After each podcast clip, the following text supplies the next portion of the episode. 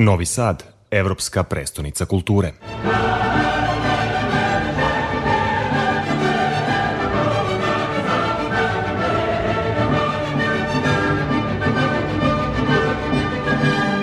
Doček nove godine biće po drugi put organizovan u podgrađu Petrovaradinske tvrđave. 31. decembra kreativne snage udružit će vizualni umetnici i muzičari. Kakav program nam predstoji u novogodišnjoj noći?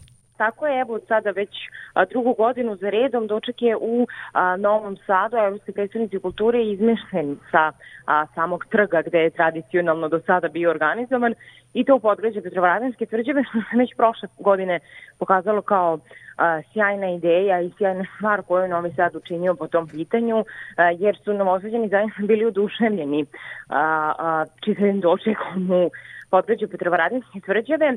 A, verujem da to ima veze i sa tim što sam doček više nije, kako bismo rekli, puka zabava nisu samo koncerti u pitanju, već čitav vizualni identitet koji svemu tome doprinosi. Ove godine imat ćemo prilike da a, uđemo u novu godinu, odnosno 2023. uz a, čuveni britanski sastav Košin, a, zatim nastupit će i stereo MC, ali i alternativni domaći a, bendovi kao što su Monohrom, Repetitor, obojeni program. Zatim takođe sjajan sastav Perpetuum Jazzile koji a, verovatno svima dobro poznato a, pevaju najveće hitove u veoma interesantnom aranžmanu a, i brojni drugi. Kada je reč o vizualnim umetnicima, a, tu će biti umetnik Dejan Stojkov, zatim a, Goran Disputovski, inače a, predsednik a, e, Suluva i brojni drugi koji će zapravo učestvovati na tom vizualnom identitetu i posebnom doživljaju samog dočeka. Međutim, ono što je kuriozitet jeste da će Novi Sad biti jedini grad, možemo slobodno reći, koji će u novu godinu uniti sa tri spektakularne izložbe. Dakle, u pitanju izložba Mileva i izložba Vreme i vaseljenja umetnika Dušana Jovovića i Teslina svetlosna galerija. Teslina svetlosna galerija je upravo ono što će se desiti u samom području Petrovaradinske tvrđave, dok će Mileva zaista biti kruna Evropske predstavnice kulture u obnovljenom delu Muzeja grada Novog Sada na Petrovaradinskoj tvrđavi i ona će zapravo činiti tu celinu sa izložbom Vreme i veseljena u studiju M sa kojom smo i započeli godinu Evropske predstavnice kulture, a koja je opet inspirisana naučnikom Milutinom Milankovića. Tako da novu godinu smo započeli uz Mileju Marićansten, Milutina Milankovića, Nikolu Teslu, a sa njima ćemo zapravo i zatvoriti taj jedan krug. Da, naši velikani ponovo će biti u fokusu proslave nove godine, a kruna Evropske predstavnice kulture biće 13. januar, doček Srpske nove godine. Koncerti će ponovo biti organizovani u zatvorenim prostorima na više lokacija u zoni 021, koji sve muzičari će upotpuniti proslavu. Tako je.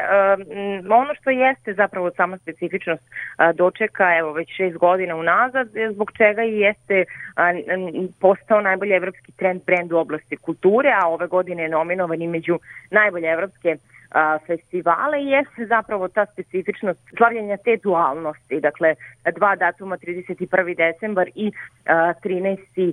januar, u čemu se opet negde očitava i ta interkulturalnost Novog Sada.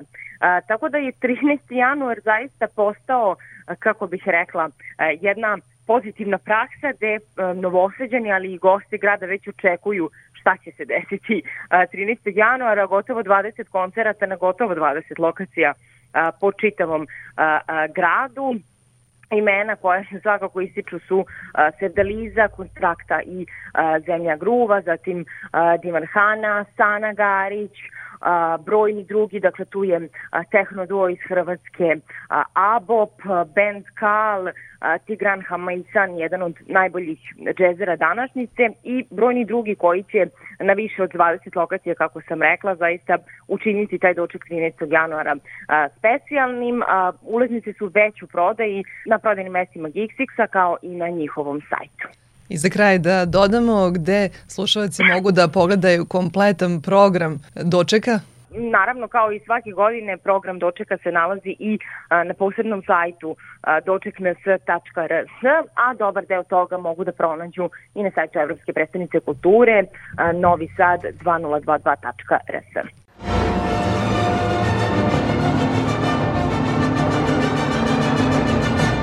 Novi Sad Evropska prestonica kulture.